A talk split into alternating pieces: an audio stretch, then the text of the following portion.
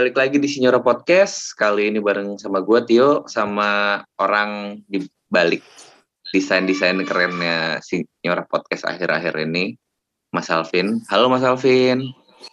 Halo Mas Tio. Apa kabar? Baik-baik. Mas Tio gimana nih?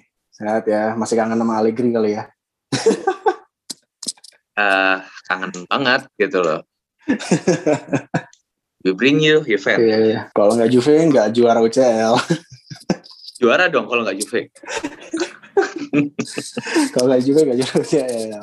Itu oh. kalau kalau tahun depan masih diajak ya. Iya, kalau kalau diajak. Kalau enggak ya, kayaknya nggak diajak. Oke, okay, um, gimana nih? Udah hampir semusim setelah ditunjuk. Pirlo masih gini-gini aja nih, Mas. Iya, bener nih gue tuh sempat feeling uh, dulu ya waktu penunjukan Pirlo jadi apa pelatih tim senior gitu ya. Ini kayaknya Pirlo mendingan U23 dulu deh gitu. Feeling feeling gue ada kayak gitu gitu. Cuman gue rasa oh kayaknya manajemen udah ngantongin data lah setidaknya atau apa yang kayaknya yakin ini Pirlo bakalan the next apa pelatih hebat lah gitu ya. Tapi makin ke sini gue ngerasa kayak bener juga ya kayaknya memang bener harus U23 dulu deh orang iya gak sih? Kayak apa ya uh, reputasi yang dia udah bangun di Juventus jadi kayak jadi jadi ternodai gitu dengan musim ini yang gak lancar gitu. Kalau menurut gue sih gitu kayak sayang aja sih. Kayak butuh proses dulu lah apa gitu ya. Biar nggak kaget banget tiba-tiba langsung latih tim senior yang pengalaman latih kompos tim apa pun gitu. Iya nggak Vin? Iya iya. Iya benar benar benar karena kan komposisi tim kita kan tahu sendiri kan ada ada ada seorang Ronaldo yang besar banget juga gitu kan. Otomatis kan adalah egonya dia kayak gimana Bin. gitu kan. Bahkan gua rasa tuh sebenarnya uh, Tudor lebih pantas nggak sih ketimbang Pirlo untuk jadi pelatih tim utama? Secara kan dia udah pernah ngelatih gitu tim-tim lain sebelumnya. Iya makanya. Karena kan dari segi pengalaman juga Tudor udah udah punya pengalaman lah ya latih tim senior juga kan waktu itu di yeah. ini ya. Udinese, Udinese. Iya Udinese bahkan yang udah tahu Serie A juga gitu kan. Uh -uh. mendingan Tudor gitu loh. Gue rasa iya untuk untuk untuk seorang Pirlo sih gue rasa ini terlalu cepat sih untuk pegang tim besar terus dia juga kita kan sebagai juara bertahan gitu terlalu berat yeah. sih kalau buat gue ya. Harusnya ya strateginya kayak Bayern ya yang ya calon pelatih dijadiin asisten dulu gitu kan. Kayak Flick kan tadinya asisten kan?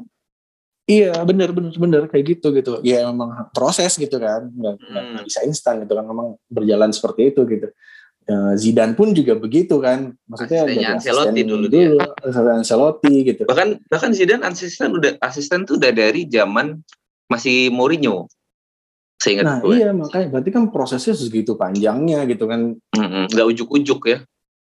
Mm-mm. Kalau ini kan kayak dia aja baru lulus gitu maksudnya tesisnya yeah. segala macam langsung ngelatih tim sebesar ini gitu resikonya besar banget dan gue heran juga Pirlo mau aja iya itu yang gue gak ngerti deh kenapa dia mau aja sih yang yang iya. yang kocak tuh gue kemarin sempet lihat di akunnya LinkedIn atau Jobstreet gitu ya pas Juve habis kalah tuh mereka uh, bilangnya gini tuh gitu tuh kalau uh, kalau fresh grad dikasih kerjaan sekelas manajer gitu. Gue kan ngakak ya. Iya bener.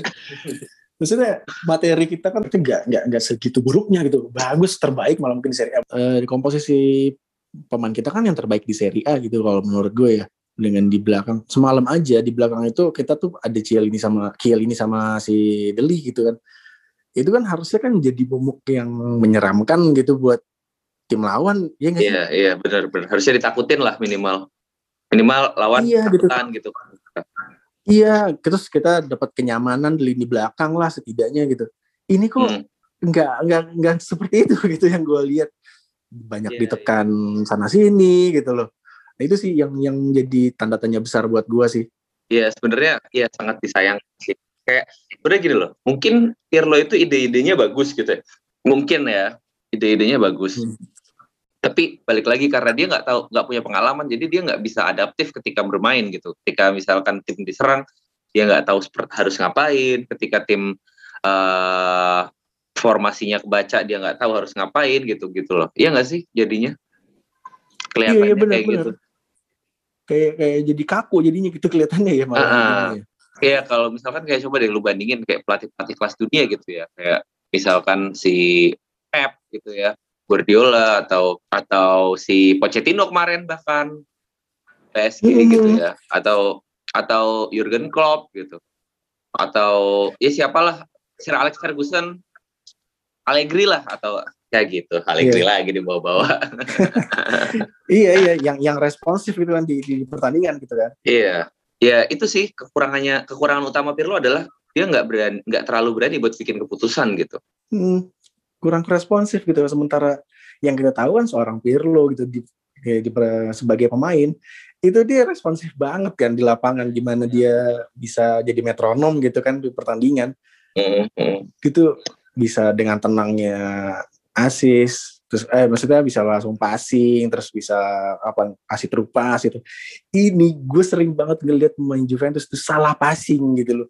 Ironis iya iya benar. Dulu ngelihat hmm. Juve itu zaman Allegri apa zaman Allegri zaman ya Lippi dulu gitu ya yang kita nggak pernah terpatok sama satu skema gitu loh. Kita udah nah, bukan iya. ngomong benar. udah bukan ngomong formasi lagi ya skema ya. Iya iya betul. Pirlo ini skemanya bener-bener ya kayak gimana ya gini loh kalau misalkan Conte itu rigid tapi rigidnya Conte itu ya dia tahu karena tim dia udah menang terus dengan skema itu gitu loh. Iya betul. Udah ada paten gitu kan ya. Karena Conte pun sampai nemu skema yang paten juga dia masih ganti-ganti kok. Awalnya kan inget gak sih di kita tuh dia pakai 424 terus ke 442 iya. terus iya. akhirnya 352 gitu Mm-mm. Begitu dia nemuin formula yang pakem ya udah. Mm. Gitu terus tuh dia gitu kan. Mm-mm. Kayak di Chelsea juga gitu kan awalnya 352 terus uh, apa 3412 akhirnya settle-nya di 343 ternyata. Gitu terus. Iya gitu. Sedangkan Pirlo tuh dari awal udah saklek padahal ngasih hasil apa-apa juga belum. Mungkin dia berpedoman sama match pertama lawan Sampdoria itu. Sampai gue berpikir gini kemarin tuh. Kayak untuk apa menang 3-0 lawan Barcelona kalau kalah lawan Benevento gitu kan. Iya, setuju gue, gitu. setuju gue. Setuju gue. Buat apa? Apa gitu. kayak nggak penting. Kayak, kayak, kayak melihat tim itu si Barcelonanya saya uh, lagi memperebutkan untuk gelar La Liga, sementara kita terseok-seok gitu di sini gitu. Barcelona awal musim gitu. memang kurang bagus ya, tapi sekarang buktinya iya gitu. Sekarang ada perubahan gitu. Ya kita lihat aja si Kuman ini kan dia tipikal pelatih yang di awal musim dia pakai pakai saklek kan pakai empat tiga tiga nya Barcelona gitu. Mm-hmm. terus mm-hmm. ternyata nggak cocok. Dia ganti ke empat dua tiga satu. Ternyata nggak cocok. Mm-hmm. akhirnya settle sekarang di tiga empat tiga kalau nggak salah ya. Dan lu tahu nggak sih menyedihkannya lagi apa? Gimana? Lu tahu ini nggak sih MU zamannya Van Hal ah, ah, kan itu nguasain bola nguasain bola nguasain bola tapi nendang kagak gitu kan dan gue sering banget itu ngecengin MU-nya Van Hal dulu. Iya, iya, nggak ada shot on goal ya? Iya, nggak ada shoot on goal. Satu shoot on goal cuma berapa? Satu gitu. bahkan. Iya, tapi hmm. penguasaan bola bisa sampai 60 persen, 50 persen, yeah. 70 persen gitu. Ironisnya, yeah. Juve ini di bawah Pirlo jadi. Kayak gitu. gue lagi lihat statusnya di live score, uh, shoot hmm. on targetnya satu, terus padahal possessionnya 64 persen. Shoot on targetnya cuma golnya Morata doang berarti. Nah itu dia, semal yang semalam kan, iya. shot gol itu hanya gol yang Morata satu biji itu doang. Uh -uh. Kan ironis. iya iya iya. Jadi menurut lu gimana nih? Kalau uh, sih, gue bacain ya? statistik pembaca Signora, kepercayaan pembaca Signora, eh, uh, pendengar Signora ke Pirlo di hmm. Instagram uh, ada 40 ada 72 persen uh, hmm. vote buat Pirlo out 28%, Pirlo stay di Instagram ya. Itu baru di yeah, Instagram. Itu jumlahnya ini ya, 48 orang pilih Pirlo out, 19 orang pilih Pirlo stay. Iya. Yeah. Yeah. Di mm-hmm. ini lebih gila lagi sih. Di apa di namanya? Twitter, di Twitter. Di Twitter ada 219 vote, 85 persen itu Pirlo out, 15 persen doang yang Pirlo stay. Ini gila banget sih menurut gue gitu kayak ya emang belum kelasnya Pirlo ya nanganin klub sekelas Juve. Iya, tapi dia bisa aja suatu saat gitu kalau menurut gua gitu. Cuman dengan dia mengambil resiko yang sebesar ini jadi banyak pertanyaan gitu nantinya gitu kan ke depannya buat karir dia juga gitu kan.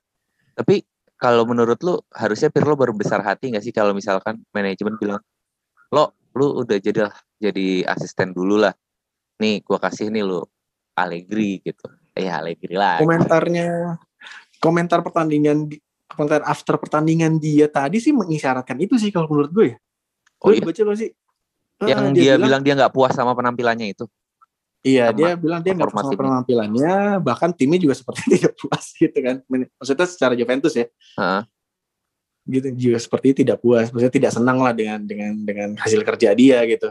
Hmm. Kayaknya itu udah isyarat kalau dia juga udah logo sih, harusnya ya. Kalau menurut gue sih gitu. Harusnya.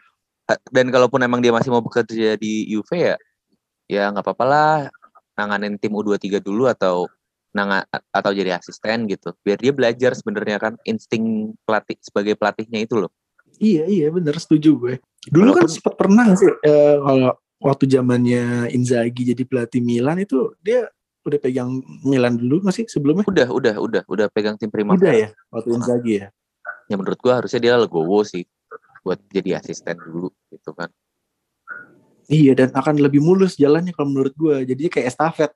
Misal setelah Allegri atau siapa pun yang uh, yang di apa yang di ini gitu ya selesai hmm. ya dia bisa naik dengan cara yang lebih mulus harusnya gitu kalau menurut gue ya bahkan uh, Nagelsmann aja kan dia waktu ditunjuk ngelatih Hoffenheim waktu itu umur 29 tahun dia udah ngelatih tim junior Hoffenheim iya makanya kan setidaknya dari udah ada pengalaman dulu deh gitu yeah. kan. Bahkan terbaru nih ya Ryan Mason tuh pelatihnya Tottenham yang umur 29 hmm. tahun juga jadi pelatih. Dia sebelumnya udah ngelatih tim junior juga. Iya, tetap aja ada basic pernah ada pengalamannya duluan ya. Iya, ini UV doang nih. Dia bener kata Omrik ya, kayak goisannya Anyeli ya. Iya, bahkan gua itu mungkin lebih memilih Grosso sebenarnya. Iya sih? Iya bahkan dibanding Tudor pun mendingan Tudor iya gitu iya kalau buat mending-mendingan emang banyak sih namanya yang bisa disebut gitu ya iya. bisa liar ke mana-mana sih cuman kalau balik lagi ke Pirlo sih ini murni bener-bener kayak apa ya ini ada something yang ada sesuatu yang gak beres nih kalau buat gue sih. Buat tim iya, sebesar iya, Juve sih buat gue ini bener, sesuatu bener. yang aneh kalau buat gue gitu loh. Setuju gue setuju setuju. Dan yang gue bingung tuh pemegang saham Juve yang lain gitu kok kayak fine fine aja gitu dia dengan si Agnelli nunjuk Pirlo gitu. Hmm, nggak ada langkah itu juga ya. atau apa gitu. Iya itu dia sih menarik juga. Kalau gue sih pribadi ya pribadi banget eh, ngerasa waktu gue gak tau ya waktu itu kan sempat ada desas-desus ingat gak sih musim pertamanya Ronaldo itu huh? di pertengahan musim tuh Allegri kan sempat digoyang juga kan sebenarnya yeah. karena performanya angin-anginan juga kan Juventus saat itu kan Iya. Belum saya tahu sama Ronaldonya. Itu kan ada isu waktu itu mau narik Zidane, inget nggak? Iya inget inget. Ada Zidane kan. Nah Zidane juga waktu itu kalau nggak salah malah lagi yang latih Madrid kalau nggak salah. Lagi nganggur, iya lagi nganggur. Karena dia keluar kan setelah si Ronaldo keluar dia keluar kan. Iya betul betul. Nah, gue ngebacanya tuh domino itu dari situ sih kalau gue ya eh, maksudnya uh, analisa gembel gue sih gitu jadi kayak Allegri uh, apa si Agnelli ini kayak ada pengen narik Zidane cuman kayak kayak gak dapet restu atau apalah gue gak ngerti nih oh, sampai atau masalah gaji Allegri, mungkin bisa jadi akhirnya Allegri dituntaskan sampai akhir musim nah. nah akhir musim ternyata Zidane udah megang Madrid lagi iya di saat itu juga ada gosip uh, Juve deketin Pep Guardiola. Nah, karena kontraknya udah mau yeah, habis kan? juga sama City. Iya, yeah, timingnya di situ tuh. Agak lama, agak lama. Nah, ditunjuklah tuh si guru olahraga itu tuh. nah, gue ngerasa dominonya di situ sih. Itu bener-bener berantakannya di situ kalau menurut gue. Karena karena planningnya nggak berjalan. Iya, kalau menurut gue sih itu sih. Kalau Padahal sebenarnya menurut gue pertahanin aja dulu Allegri sampai benar-benar dapat pelatih yang upgrade gitu ya dari dia. Iya, karena harapan gue waktu itu adalah Allegri ini udah udah the best, cuman sudah tidak untuk Juventus. Artinya yeah. Juventus harus udah upgrade. pelatihnya harus lebih top lagi. Misalnya Allegri ini pelatih bintang 4, ya kita udah saatnya punya pelatih bintang 5. Karena Iya, kita udah punya setuju. Ronaldo gitu loh. Iya kan? Ah, Gue Dulu sih sebenarnya nggak nih. masalah ya Allegri diganti. Tapi digantinya tuh yang upgrade, upgrade gitu loh. Bahkan Conte pun menurut Iya. gue downgrade kalau dibanding Allegri. Iya, bener-bener. Sepakat gue. Setuju gue beneran. Nah, di situ tuh kayaknya nah, pas penunjukan Sari ini filosofinya berubah, staf kepelatihannya dirubah semua gitu. Udah gitu karakteristiknya juga memang nggak cocok sebenarnya gitu loh. Mm. Karena kayak kalau tadi yang lu bilang ya, eh, Allegri pelatih bintang 4, eh, Conte tuh pelatih bintang 3, Sari bintang 2, dua setengah lah. Hmm. Conte eh apa Pirlo ini pelatih bintang setengah malah. iya, belum. Masih rookie. iya. Iya, untuk untuk seorang pelatih dia masih rookie sebenarnya gitu kan, debutan gitu loh. Ya, itu sih kalau menurut gue sih di situ pangkal pangkal permasalahannya. Sekarang Sari dipecat dan dia nggak mau nerima tawaran dari klub lain kan, yang artinya Juventus masih menggaji dia kan. Iya. Nah, artinya alokasi dana gaji untuk pelatih masih kesedot besar untuk Sari gitu loh. Jadinya Bahkan- jadi, jadi gitu, gitu loh. Bahkan menurut gue mungkin sebenarnya lebih baik kita pertahanin Sari daripada nunjuk Pirlo. Nah, win-win solutionnya seperti itu kalau menurut gue. Saat itu ya, saat, saat, saat lu bener-bener nggak ada pilihan gitu ya. Ya mau gimana daripada lu harus jalannya ini gitu. Iya. Mendingan masih mendingan Sari karena paling enggak Sari masih lebih paham lah soal soal kapan harus gitu, ya, manage, manage pemain gitu ya. iya kayak dan Jadi lagi gini udah loh pengalaman lah. dan lagi gini loh Pirlo ini bukan leader material gitu loh bukan waktu main pun dia bukan material kapten gitu loh Iya, benar. Iya, benar juga. sedikit banyak kan itu ngaruh juga Nguasain ruang ganti gitu ya. iya karena kalau yang gua baca juga baca baca juga kabarnya beberapa pemain Juve ini nggak respect ke Pirlo Iya iya iya. Iya jadinya gitu gitu maksud gue yang tadi balik lagi tadi gue bilang. Jadi kayak sayang aja reputasi yang udah dia bangun jadi jadi jadi ternodai ini gitu kasus ini gitu. Menurut gue sih gitu. kalau mau judi kenapa nggak sekalian Del Piero Jangan jangan jangan jangan jangan jangan. Biarlah Del Piero menjadi seniman sepak bola udah. Ya enggak bukan maksud gua Del Piero masih Del Piero atau Nedved gitu yang kapten material gitu loh. iya sih memang. Mm-mm. Atau bahkan Cielini bahkan lebih punya material untuk menjadi seorang kapten gitu loh. Iya bener bener banget. Ketimbang Pirlo yang ini memang dia nggak ada material buat atau mungkin bahkan Mar Marquisio Iya teman Mauricio juga kayaknya belum belum ke arah kepelatihan ya kayaknya dia. ya emang belum. Enggak cuma maksud gua dari Isu segi terakhir malah mau jadi wali kota kan dia. iya itu tapi hoax katanya. Dia udah ngebantah. Hoax ya. Iya maksud gua ya tapi kan berarti kan di situ kita bisa lihat dia ada mental kepemimpinan gitu loh. Dan seorang Iya. pelatih kan nggak cuma harus jago taktik doang gitu. Bahkan bahkan gue sempat dengar rumor Sir Alex Ferguson itu nggak pernah ngurusin soal taktik. Asistennya semua itu yang ngurusin soal taktik, latihan segala macem. Ferguson itu cuman Hmm. cuman ngelihat lawannya kayak gimana, terus dia ngomong ke asistennya, nih lawan kita gini gini gini, menurut lu siapa yang jadi starter? Gitu. Yang pernah gue baca sih kayak gitu ya Hmm. rumornya. Menarik juga sih. Dan soal man management kan kita lihat Ferguson gila banget. Iya. Ya menurut gua dia dan Lippi itu kan dua pelatih terhebat lah sepanjang masa gitu ya. Setuju gue. Nah ini dia balik lagi sih sebenarnya. Kenapa Juve nunjuk Pirlo tuh ke, ya menurut gua bener-bener keegoisannya Agnelli. Karena egois ya karena bisa juga yang tadi gue bilang mungkin kepepet karena soal gaji tadi karena saat ini kita masih menggaji seorang Maurizio Sari gitu loh. Iya iya.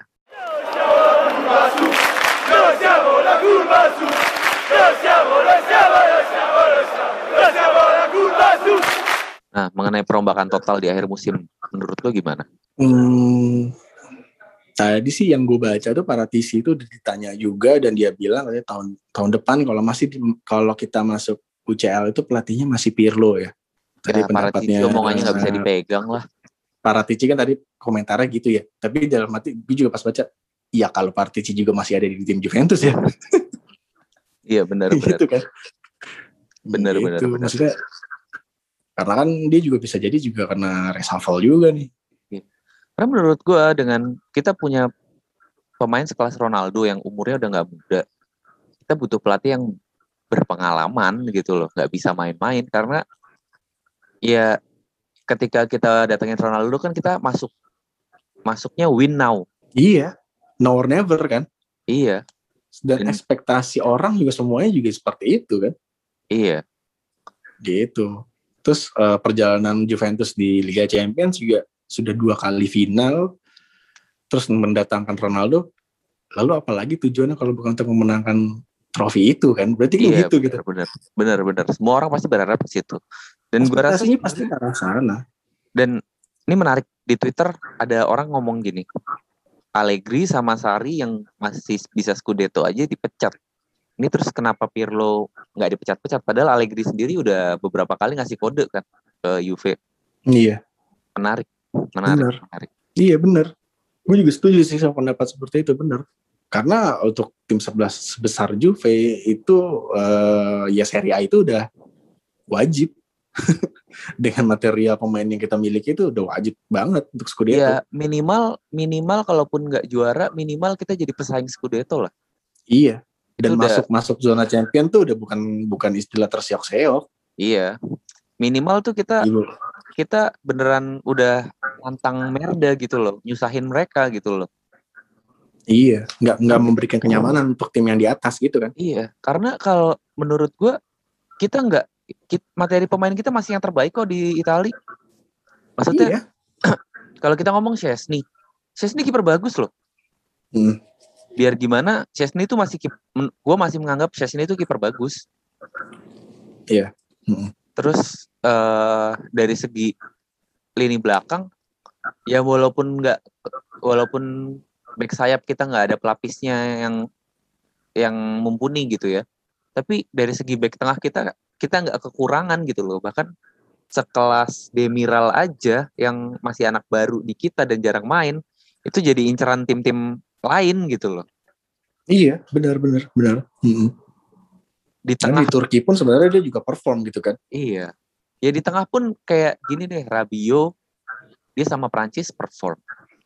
Terus eh, Ramsey dia mantan kapten Arsenal loh, nggak main-main. Iya. Terus Mhm.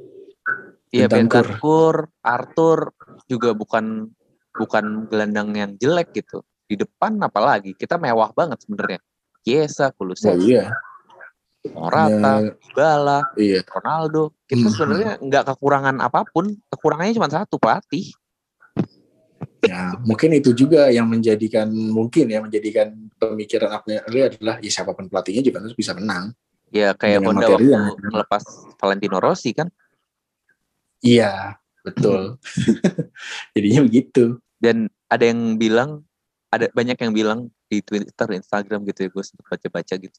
eh Conte harus makasih ke Pirlo karena dia yang ngebantu Merda buat juara. karena gue yakin kalau pelatihnya minimal masih Sari aja, nggak bakal kayak gini kok. Iya sih. Meskipun gue sebel sama dia sebenarnya. Lu kata gue kagak, kita banyak banget lo kehilangan poin lawan tim-tim kecil. Wah parah banyak banget. Tadi hari ini rame juga kan yang orang posting matchnya Benevento beberapa match Benevento Mhm. itu yang hijau yang artinya menang itu cuma sama Juventus. Iya bener, bener. Wah kok gini? Lah ini Fiorentina musim ini empat poin loh lawan kita. iya. Padahal mereka papan bawah. Gitu. ngaco sih ngaco ngaco ini bahkan kita potensi kebalap sama Napoli-nya cukup besar loh Iya itu sih itu sih yang paling gue khawatirin karena eh apa ya zona zona champion tuh udah harga mati buat Juventus kalau buat gue. Ini sisa dengan pertandingan. apalagi dengan materi pemain kayak gitu ya? Iya iya. Maksudnya dengan sisa pertandingan ini ya mesti tancap gas. Gimana caranya? Udah gitu, udah gitu sih kalau buat gue. bahkan Udah menurut nggak bisa gue diampunin lagi maksudnya untuk Lima poin match tuh. terakhir tuh udah harus menang sih. Iya udah wajib banget. Udah wajib udah banget. bisa bahkan dimaafkan. Ada ada hilang poin tuh udah nggak bisa dimaafin Kalaupun gue misalnya nih ya. Kalaupun misalnya Juve eh, tetap masuk zona Liga Champion tapi mainnya nggak meyakinkan dan kita bisa masuk cuman karena Napoli Roma Lazio kehilangan poin menurut gue tetap harus diganti sih lima laga terakhir tuh menurut gua harga mati sih. Mhm. Iya udah harga mati beneran setuju gue.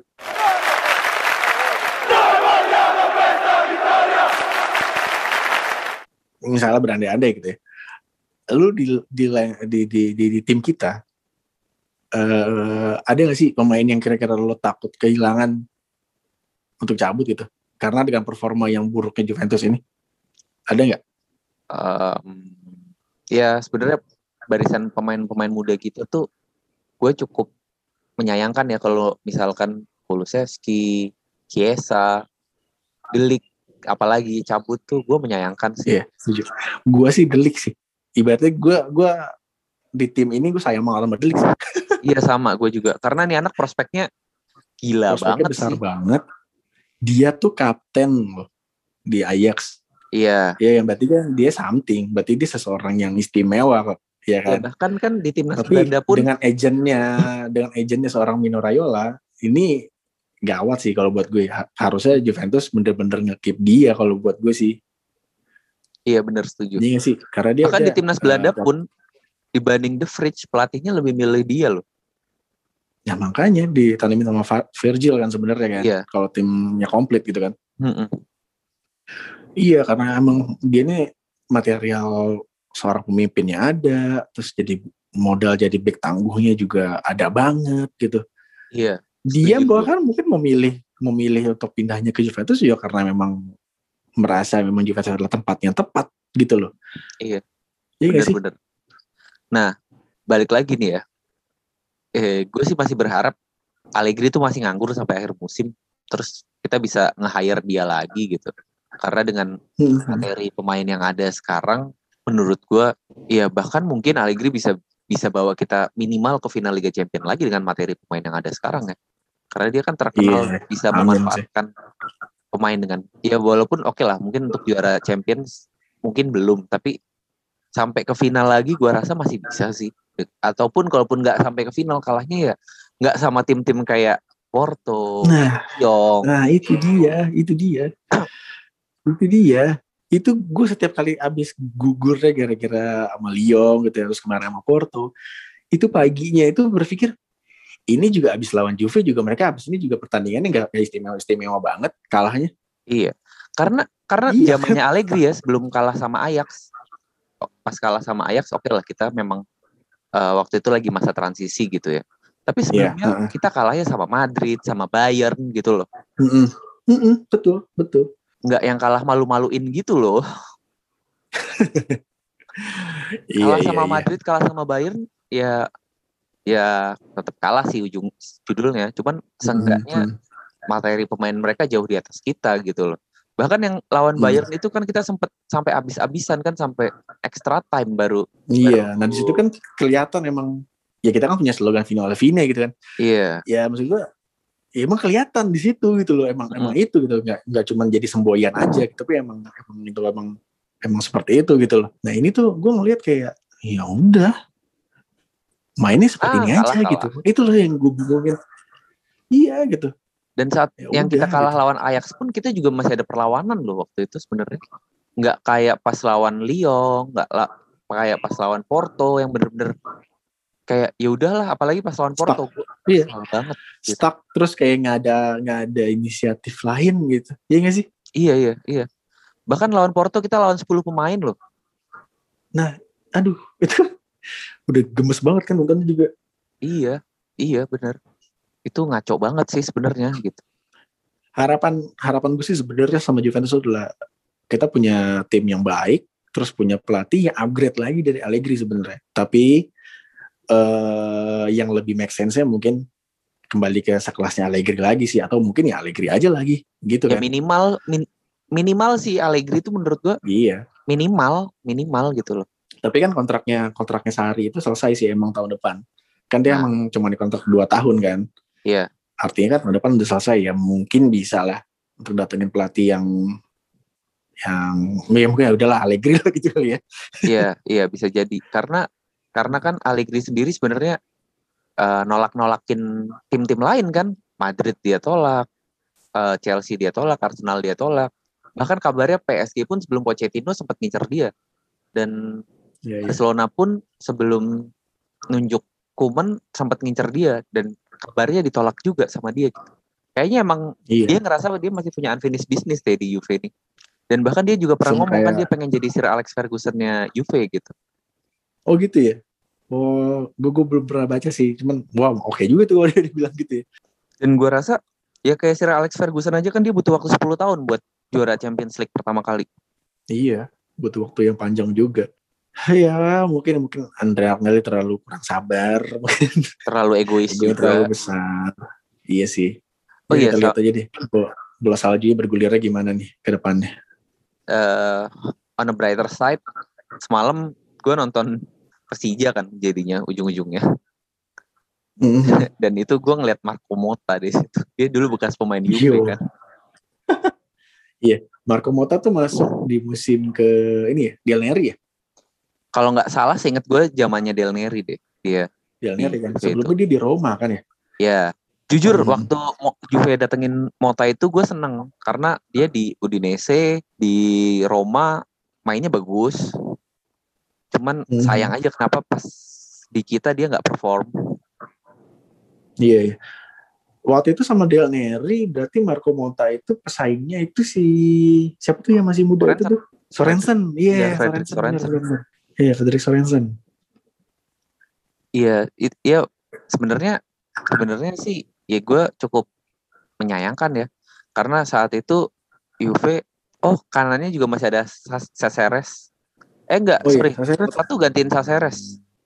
Hmm, hmm, Saseres sama Zebina cabut, Mota sama Sorensen masuk.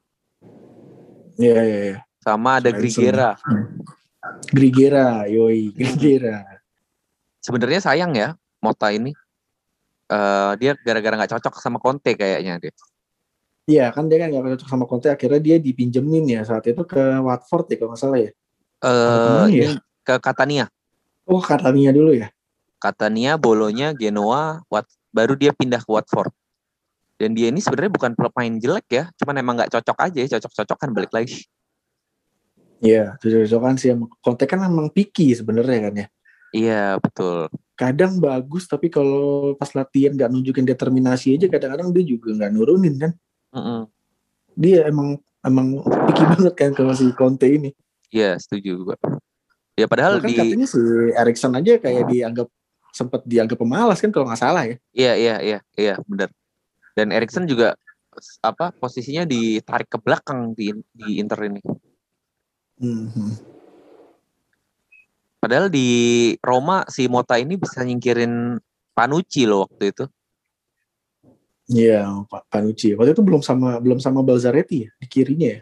Roma apa udah ada sama Balzaretti ya? Kayaknya belum deh. Belum Panucci ya, belum sama. Cicino yang dia singkirin tuh. Hmm, iya. Mhm.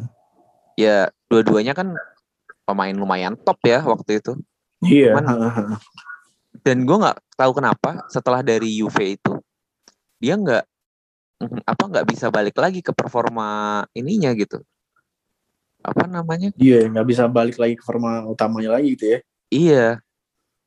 Bahkan malah tuh nurun terus gitu kan sampai akhirnya dia main di Persija.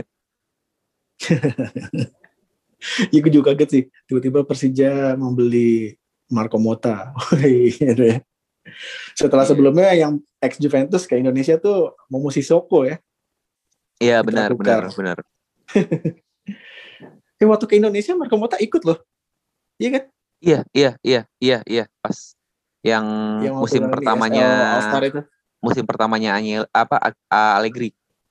Wah, iya, iya bener tuh Allegri tuh. Habis itu, di Itu dateng habis itu dipinjemin ke Genoa. Iya. Itu gua gua punya pengal- cerita pengalaman juga tuh. Gua dateng waktu pertandingan sama sebelumnya pas latihan gue dateng tuh. Oh iya. Iya, shout out buat temen gue namanya Arif Pirosa. Kita nonton sampai masuk ke tempat papan sponsor tuh. Nah, Waktu itu gue masih di kantor lama gue, gue masih pakai seragam media gitu. Nah, diri-diri di dekat apa? Dekat akses bis masuk di GBK kan. mm-mm. Terus tiba-tiba dari dalam, eh media media masuk gitu kan. Terus gue sama temen gue itu masih Arif itu jalan aja kan masuk ke dalam, eh nggak diperiksa juga. Akhirnya gue bisa masuk ke apa track larinya gitu kan. Iya iya. Akhirnya nonton mereka latihan tuh, wah keren juga. Kalau pas iya, dan gue inget tuh ke- ada Marco Motta. ada kan ya? Ada. Dan gue ngeliat momen Vidal duduk. Gak mau ikut latihan. Pas Juve ke sini tuh gue kebetulan masih kuliah kan waktu itu. Cuman waktu itu adik gue tuh ikut SSB. Mhm.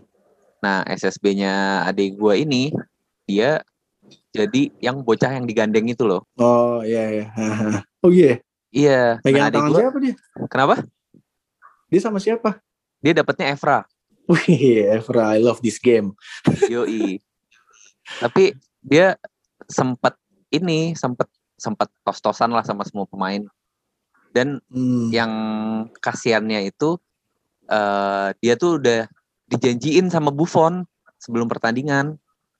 Hmm, hmm. Dijanjiin sarung tangannya bakal ditandatanganin karena Kasih. adik gue itu kan kiper. Oh iya. Iya, dijanjiin sarung tangannya bakal ditandatanganin. Cuman kan pas setelah pertandingan ternyata banyak yang apa namanya eh, pitch invasion ya. Iya. Ramai Karena itu kondisinya nggak kondusif, akhirnya pemain Juve itu langsung dibawa ke hotel. Jadi meet and greet sama si ball boy-nya itu nggak jadi. Nggak jadi ya, sayang banget ya. Sayang banget. Padahal tadinya gue udah, gue juga udah nitip jersey kan. Gue udah bilang Mhm. terus eh jersey 2006-2007 lagi jersey seri B. Oh iya. Iya, tadinya tuh Tamoyel, udah, iya tadi udah mau dapat tanda tangan itu di situ. Eh terus adik gue Hmm. juga sarung tangannya udah mau dapat tanda tangan dari Buffon gitu. Hmm. Cuma terlanjur nggak kondusif. Iya, kondisinya udah nggak kondusif, jadinya pada cabut akhirnya. Ya sayang banget sih. Sayang banget, sayang banget.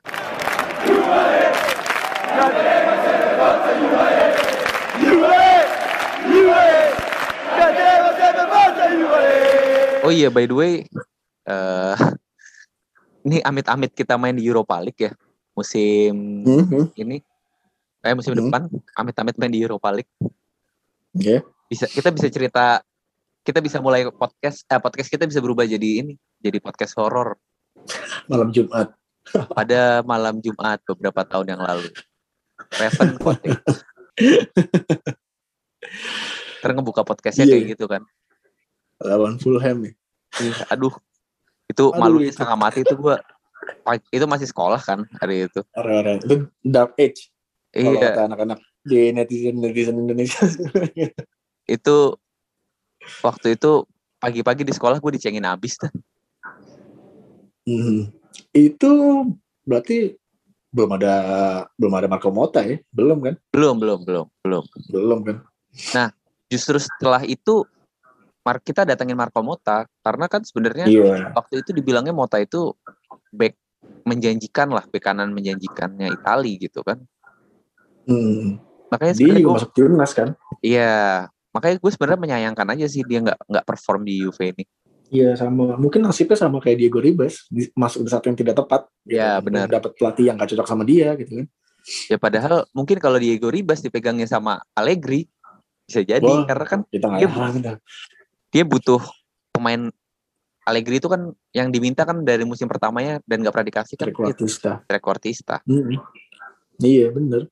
By the way kalau misalkan Dark Age itu waktu itu sebenarnya kita materi pemainnya ya memang mediocre kan Iya. materi pemain Tapi masih ada masih ada istilahnya masih ada Del Piero gitu kan yang Iya. leadershipnya kan ya gimana kita emang emang orang besar gitu kan dia ya. Iya. masih ada Trezeguet gitu Nggak cuman maksud Iya. gue lebih lebih ketika itu gue lebih memaklumi gitu loh Juve nggak perform tuh gue memaklumi gitu karena materi pemainnya emang mediocre kok gitu Mm, mm, mm. iya sih benar juga kalau sekarang ini kan kita sebenarnya mual ini nggak kekurangan terserah lah orang mau bilang Ramsey itu mainnya jelek atau siapa mainnya eh, Arthur mainnya jelek atau gimana ya sebenarnya bukan mereka bukan pemain jelek kok gitu loh karena gue lihat juga di Arsenal gitu ya gue kan ngikutin semua kompetisi ya kak tuntutan pekerjaan Mhm. Mhm. ya Ramsey itu pemain bagus Rabiot pemain bagus Iya, betul. Emang bukan pemain bukan pemain mediocre, emang pemain yang bagus. Mm-mm. cuman sangat Tapi disayangkan entah aja. Iya, sayang banget sih. Kalau menurut gue potensinya sih. Juventus tuh banyak banget kehilangan momen untuk menggali potensi pemain yang bagus kalau buat gue. Kalau menurut gue gitu ya. Iya Iya. sih? Setuju, setuju. Sering, sering banget nggak berjodoh gitu. Karena sebenarnya em, ya kayak model-modelan Frederick Sorensen itu sebenarnya kemarin menjanjikan loh dulu tuh. Iya. Mm. Terus kayak modelan siapa ya? Eh, Krasik. Iya, kayak kalau Krasik sih emang nggak terlalu bagus ya. Kurang ya kalau klasik ya. Eh, iya sebenarnya kayak Dybala aja kan nggak bisa maksimal di Juve. Iya. Sayang banget ya. Ah, ya tapi kalau emang Dybala emang pemain modelan dia emang Banyak faktor sih sih di tapi. era Iya, modern kayak susah sekarang. banget. Harus benar-benar dibuild untuk dia gitu loh. Mm-mm. Sementara kita tuh selain dia tuh pasti ada satu lagi nama besar di atas dia kayak dulu ada Higuain gitu. Iya benar. Otomatis juga menyesuaikan sama Higuainnya juga gitu. Iya Terus ada. Ronaldo ya apalagi gitu. Jadinya dia juga susah kalau pemain-pemain seperti Me- apa seperti Dybala ini emang timnya harus di-develop untuk eh, menggali potensinya dia gitu loh. Sementara kita selalu punya pemain yang lebih lebih lebih besar dari dibanding, dibandingkan dia gitu.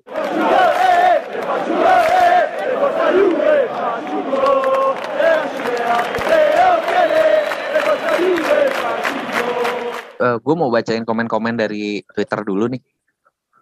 Komentar boleh, boleh. pertama eh dia ada yang bilang gini eh, pengalaman Pirlo sama Zidane kurang lebih sama tapi kenapa lebih sukses Zidane daripada Pirlo di bangku pelatih ini tadi di awal kita udah bahas ya eh, Zidane ini dia udah Udah mulai dari tim junior duluan. iya dan dia udah, udah jadi asistennya Mourinho juga kan Iya, lama banget jadi asisten pelatih.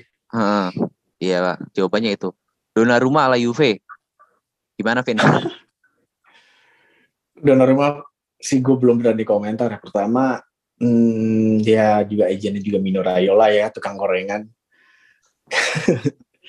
Jadi ya, ya gue sih berharap dia juga join ke Juventus sih. Saya sendiri kiper bagus, cuman Juventus, eh maksudnya Chesney ini kurang dikoordinasi gak sih kalau menurut lo? iya dia mirip-mirip kayak Van der Sar dulu gak sih Iya. Di Juventus kayak enggak apa ya koordinasinya sih gue rasa itu itu parah banget. Tapi buat refleks bagus gitu loh. Performanya juga baik. Cuma kalau udah hubungan sama koordinasi, ya ini nih. Dan tapi gue juga pikir sebenarnya Sesni ini lumayan sih. Maksudnya ke- kalau nggak bisa dapet ya sama sama kayak kasusnya kalau nggak bisa dapet upgrade dari Al- Allegri nggak usah ganti pelatih. Jadi gue juga ngerasa kalau nggak bisa dapet dari Sesni ya upgrade dari Sesni ya nggak usah ganti kiper.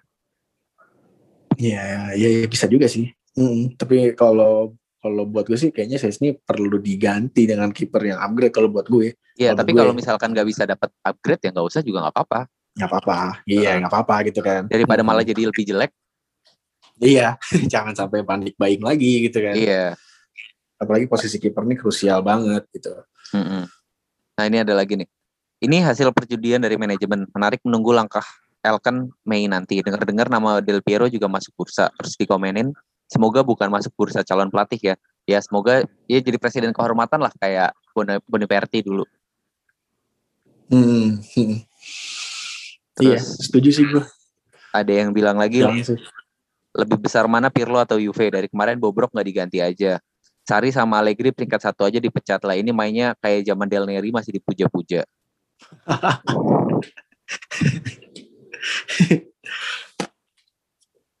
Gimana? Terus ada lagi yang nanya kenapa kita harus percaya sama Pirlo? Udah itu aja bang. Terus dia ngomong gini, ya pribadi sih nggak masalah. Tinggal nonton terus kalau kalah tinggal caci maki di sosmed. Cuman kalau Juve nggak lolos UCL dan satu dua musim ke depan nggak berprestasi di domestik ya kering duitnya. Iya setuju. Iya, iya, iya. Pirlo dan Ronaldo out. Gimana Vin? Ronaldo ya. Ronaldo, Ronaldo, Ronaldo nih. Dia gini akhirnya punya seorang Ronaldo tuh jadi kayak beban tersendiri gitu kan buat tim kita gitu kan. Yang sering kita bilang di podcast. Mm-mm. Ya kita nggak siap punya seorang Ronaldo. Iya. Tim kita memang tidak di tidak dibuat untuk untuk, ada Ronaldonya, gitu kan? Iya. Atau kita mungkin menciptakan Ronaldo baru, itu lebih make sense kalau buat gue. Bisa langsung skip aja nggak ke musim depan? Ya kita juga maunya gitu ya. Ya, Apakah berhasil masuk Champions atau malah kena hukum karena ISL? Gimana, Vin? Nah, menarik tuh. Tapi kalau menurut gue sih tetap masuk ke Chelsea. Madrid, Barcelona, Juventus itu pa- pasti tetap masuk. Kalau gue sih ngelihatnya malah UEFA-nya malah yang lagi dapat tekanan kan sekarang. Malah dikencang, digoncang balik ya. Iya, iya, iya. Iyalah. Lagian juga ngapain sih? Ini kayak jadi kayak main keras-kerasan juga sih mereka Iya, juga. benar benar benar. Mentang-mentang dapat angin malah jadi besar kepala gitu loh si Severinnya. Entah kenapa kayaknya tiap Buffon main pertahanan Juve jadi lebih solid. Apa karena Chesney nggak punya karisma dan emang komunikasinya nggak bagus ke pemain lain? Soalnya kalau dari segi skill, skill ya nggak jauh beda sebenarnya sekarang. Gimana, Vin? Iya kalau buat gue sih itu lebih dikoordinasi kalau menurut gue. Karena kan seorang penjaga gawang kan harus wajib banget berkoordinasi sama di pemain belakang gitu. Nah, nah Iya, ini sering banget terjadi miskomunikasi nih dengan banyaknya blunder-blunder gol-gol aneh itu. Itu sih bukti kalau emang kita banyak miss di komunikasi kalau buat gue. Hmm. Kalau menurut gue sih gitu ya. Lawan Porto itu kan golnya konyol banget yang Ben Kankur. Dan dan apalagi sekarang musim musim ini yang lebih kelihatan banget ya Chesney itu komunikasinya kurang ya. Musim lalu kayaknya nggak Iya. terlalu kelihatan ya. Nah segitunya ya. Musim ini Nah, kelihatan banget gitu. kesalahan manajemen Juve adalah meng- meng-hire Tol- Tudor sebagai asisten Pirlo. Tudor sebagai pelatih terbukti gagal saat membesuk Udinese. Terbukti Udinese era Tudor kerap menjadi lubung gol. Pasca dibesut Gotti, sekarang Udinese kembali tampil lebih baik. Sekarang pertahanan Juve juga jadi rapuh. Gimana, Vin? Apakah pure salah Tudor atau memang kombinasinya nggak jalan Tudor sama Pirlo? memang kombinasi kamu apa? Emang nggak jalan aja sih kalau buat gue. Emang dua-duanya kan emang belum ada di grade yang levelnya ada di, ada di Juventus yang tadi kita bahas yo. Hmm. kalau Allegri bintang apa bintang 4 gitu ya Tudor sama Pirlo nih belum belum mendapatkan bintang. Serban gimana nih? Mungkin Tudor mungkin bintang satu malah. Pirlo ya belum Pirlo Gitu belum, Tudor malah bintang satu ya. belum belum Tudor mungkin malah bintang satu dong kalau buat Ah. gue sih Karena udah ada pengalaman ya. iya Oke, nah, Jelas. terus ada yang bilang bahas kemungkinan pelatih untuk musim depan. Ya kalau gua sih masih masih Allegri ya, masih tim Allegri ya. Lu gimana? Hmm. yang paling make sense sih Allegri memang Hmm. yang paling ada make sense Allegri ya lagi yang bilang di Instagram Allegriin. Ya emang itu harapan Iya, harapan minimal ya, ekspektasi minimal. Iya gitu. Gue sih sebenarnya bukan tim yang menghujat Pirlo sebenarnya, tapi lebih ke ini sih, lebih ke arah Pirlo Realistis. belum waktunya aja. Mm-mm, realistisnya Pirlo belum waktunya pegang tim sebesar Juventus. Iya. Gitu. Setuju. Dia bisa jadi pelatih hebat, tapi belum sekarang kalau buat gue sih itu. Iya. Dan kontraknya itu 2019 sampai 2021 ya si Sari ini. Hmm, iya. Semoga dengan berakhir kontrak Sari kita bisa meng-hire pelatih yang proper. Ya syukur-syukur ya Allegri balik lagi. Ya walaupun ada harapan Zidane juga ya, karena kan Zidane kondisinya katanya lagi goncang nih di Madrid. Kalau nggak bisa juara Champions League dan nggak bisa juara apa La Liga, kemungkinan bakal di Depak. Iya, tapi eh, Zidane hmm, gak baik lagi nih. Kalau Zidane ke, eh, ke Juventus balik lagi, pasti ekspektasi semua orang akan besar banget dong, Iya benar. gitu. Terus, nah kita masuk zona Liga Champions gak? Kalau nggak masuk zona Champions, kayaknya Zidane nggak mau deh. Iya nggak sih? Ya, tapi kalau nggak masuk zona Liga Champions, apa Allegri mau juga? Kalau itu sih masih memungkinkan kalau kalau Allegri, kalau buat gue. Iya, Karena dia ada punya keterikatan dengan beberapa pemain dia juga, gitu kan. Dia juga punya hubungan baik sama sama Andrea Arnelli, gitu kan. Hmm. Masih memungkinkan sih justru kalau Allegri. jadi emang sebenarnya pilihan paling paling paling minimal lah ya Allegri itu minimal banget. Iya, untuk tim sebesar Juve dan kalau mau mempertahankan ya kebesaran Juve sekarang ya. Tapi Dengan masih ada suara-suara orang yang bilang kasih kesempatan Pirlo musim lagi. Menurut lu gimana, Vin? Semusim lagi ya, kasih kesempatan lagi. Eh timnya dulu deh. Ini dibangun dengan seperti apa? Kalau dibangun dengan yang dia mau, mungkin bisa aja. Tapi balik lagi emang daya daya daya kekuatan belinya Juve gimana nih? Misalnya, maksudnya Pirlo butuh pemain yang seperti apa gitu loh.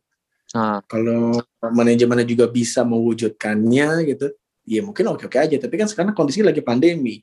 Hmm. Susah juga dong untuk beli pemain yang pelatih kita mau gitu kan. Iya, yeah, yeah. Nah, kalau Allegri ini kan tipe pelatih yang yaudah lo kasih gue siapa juga gue akan mencoba untuk meraciknya gitu kan. Iya semaksimal mungkin. Nah itu kan kelihatan kan sebenarnya Allegri minta siapa dibeliin siapa tapi tetap perform gitu kan. Iya benar benar. yang lucu yang gitu waktu loh. itu dia minta dibeliin trequartista malah datengin Kedira.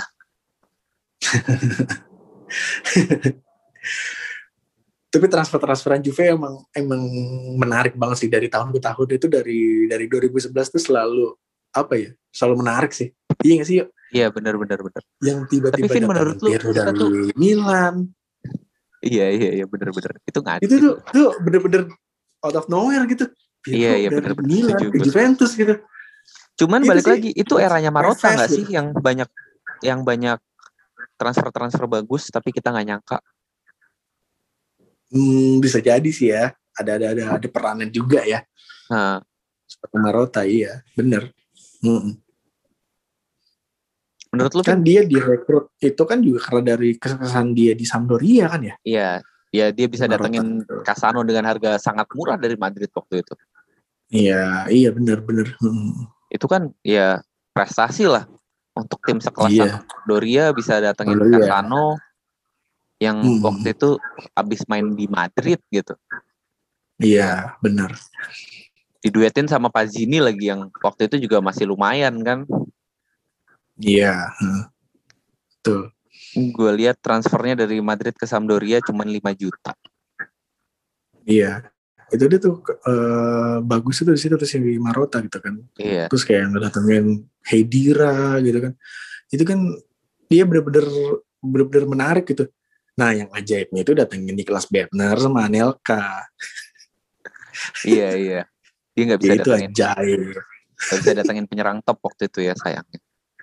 TFS ya itu kan paling PR kan di, di penyerang ya. Hmm. TFS Florente sebenarnya lumayan sih. Iya, Tevez itu ajaib tuh. Dia itu kan bermasalah kan di Gua jujur ya, City gitu kan. Di MU pun bermasalah dia. Di MU bermasalah, di City bermasalah, di, di Juventus juga bermasalah. Tenang-tenang aja gitu. Itu jujur gue uh, pesimis loh waktu datengin Tevez apalagi langsung dikasih nomor 10 kan. Gue langsung anjing lah gitu. Gak salah nih gitu kan. iya, ngaco manajemen tapi ternyata ya gue akui secara terbuka ya gue salah dan gue seneng gue salah gitu. Hmm. Ada Tevez perform ya, meskipun dia meninggalkan Juventus juga kayaknya juga nggak membekas juga kayak di hati dia. Iya, tapi dia lebih cinta sama Boca sih memang. Iya, tapi oke okay lah, oke okay lah. Tapi oke, okay. dia maksudnya profesional banget, dia dia bener-bener maksimal di Juventus, kayak sih? Iya bener, bener. Bener-bener maksimal sih kalau buat gue Tevez benar-benar maksimal di Juventus. Nah menurut lu nih Vin dengan materi squad yang ada sekarang dan kita hmm. ambil kemungkinan terburuk ya kita nggak bisa jual banyak pemain. Menurut lu prioritas utama Juve musim depan apa? Posisi apa? Atau pemain yang seperti hmm. apa? Trikuartista sih. Hmm, setuju, sepakat. Trikuartista udah paling mutlak nggak apa-apa dia nggak usah datengin ke rumah yang trikuartista itu aja dulu. Kenapa? Karena dengan ada trikuartista gue yakin pemain seperti Ben Kankur Rabio kalau dipertahanin itu akan lebih nyaman main. Ya karena mereka nggak ada tanggung jawab untuk kreasi serangan. Iya. Ciesa, Dybala, kalau masih ada di Juventus mereka akan jauh lebih nyaman kalau ada trikuartista yakin deh. Sepakat sepakat sepakat. PR-nya itu adalah menjembatani dari lini tengah ke lini depannya itu loh. Iya, dan walaupun sebenarnya gue ngerasa kita tuh punya beberapa pemain yang bisa gitu kita mainin kita taruh di posisi itu gitu. Cuman entah kenapa nggak mau dicoba kayak Kulusevski, Ramsey.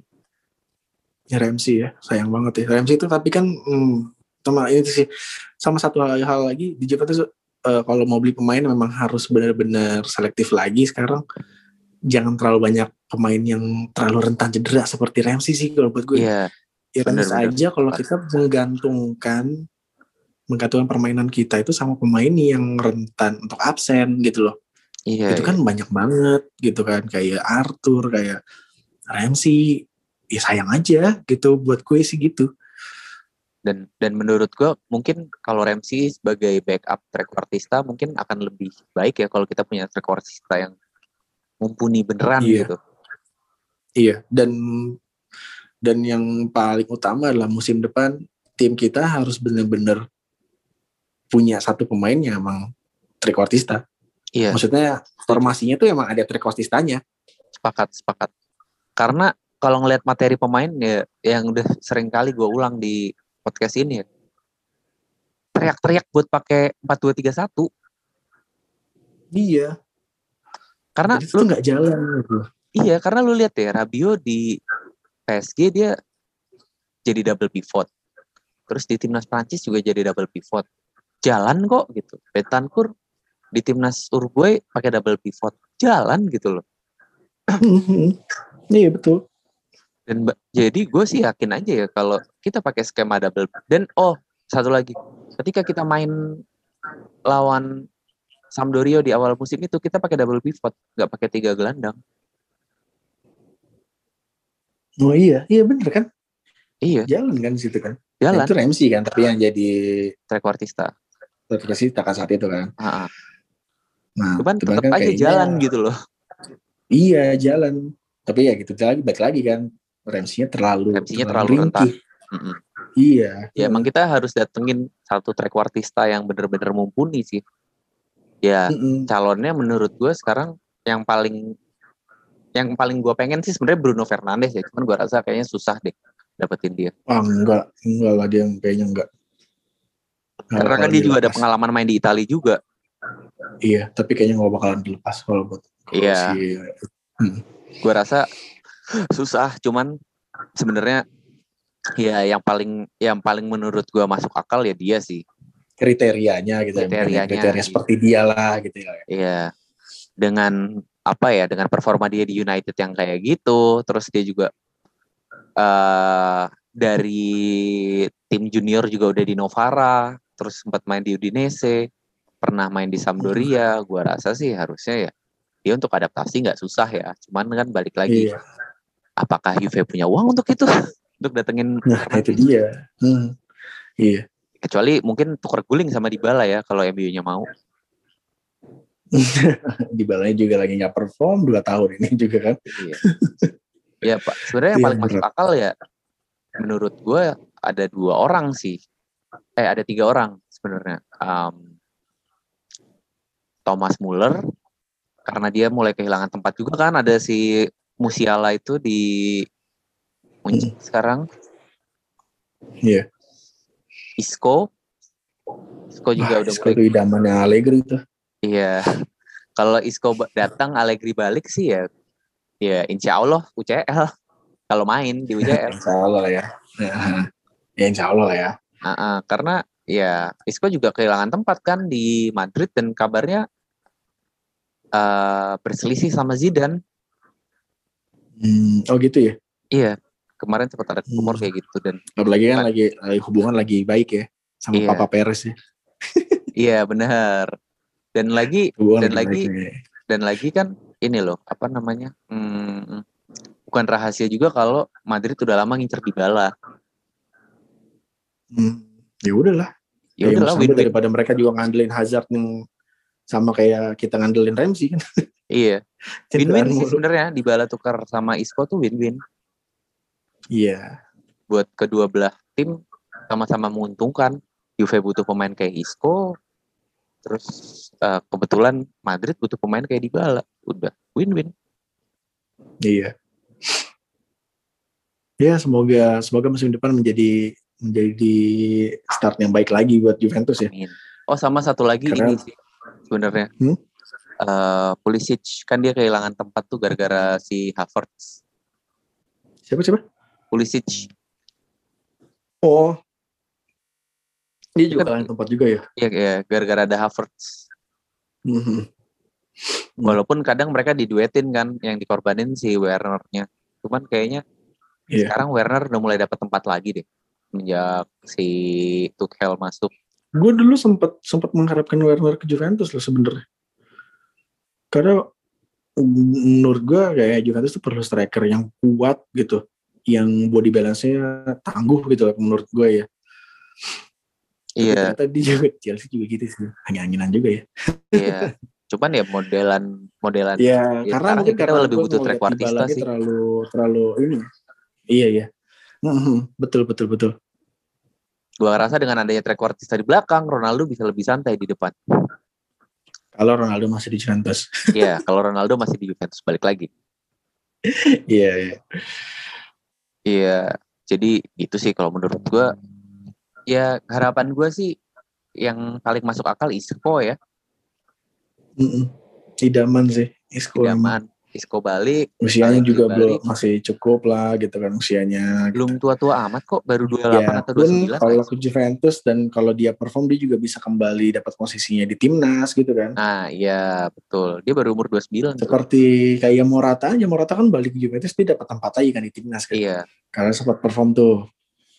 gua rasa Isco, Ronaldo itu udah eh, terus di sayapnya Kulusevski sama Chiesa di belakangnya Arthur sama Rabiot tuh Ar- atau Ar- Arthur sama Bentancur menurut gue udah udah cukup sih kita nggak perlu Hmm, rombak iya. besar-besaran materi pemain gitu cukup iya, datengin cukup. Cuman iya iya iya. Karena Tricosisa ini ibaratnya kayak mutlak lah ya. Penting ibaratnya banget lah gitu ya. puzzle terakhirnya Juve sebenarnya Iya, benar benar. bahkan ketika waktu itu misalkan datengin trequartista dan tapi depannya masih Higuain pun gue yakin akan lebih perform Iya.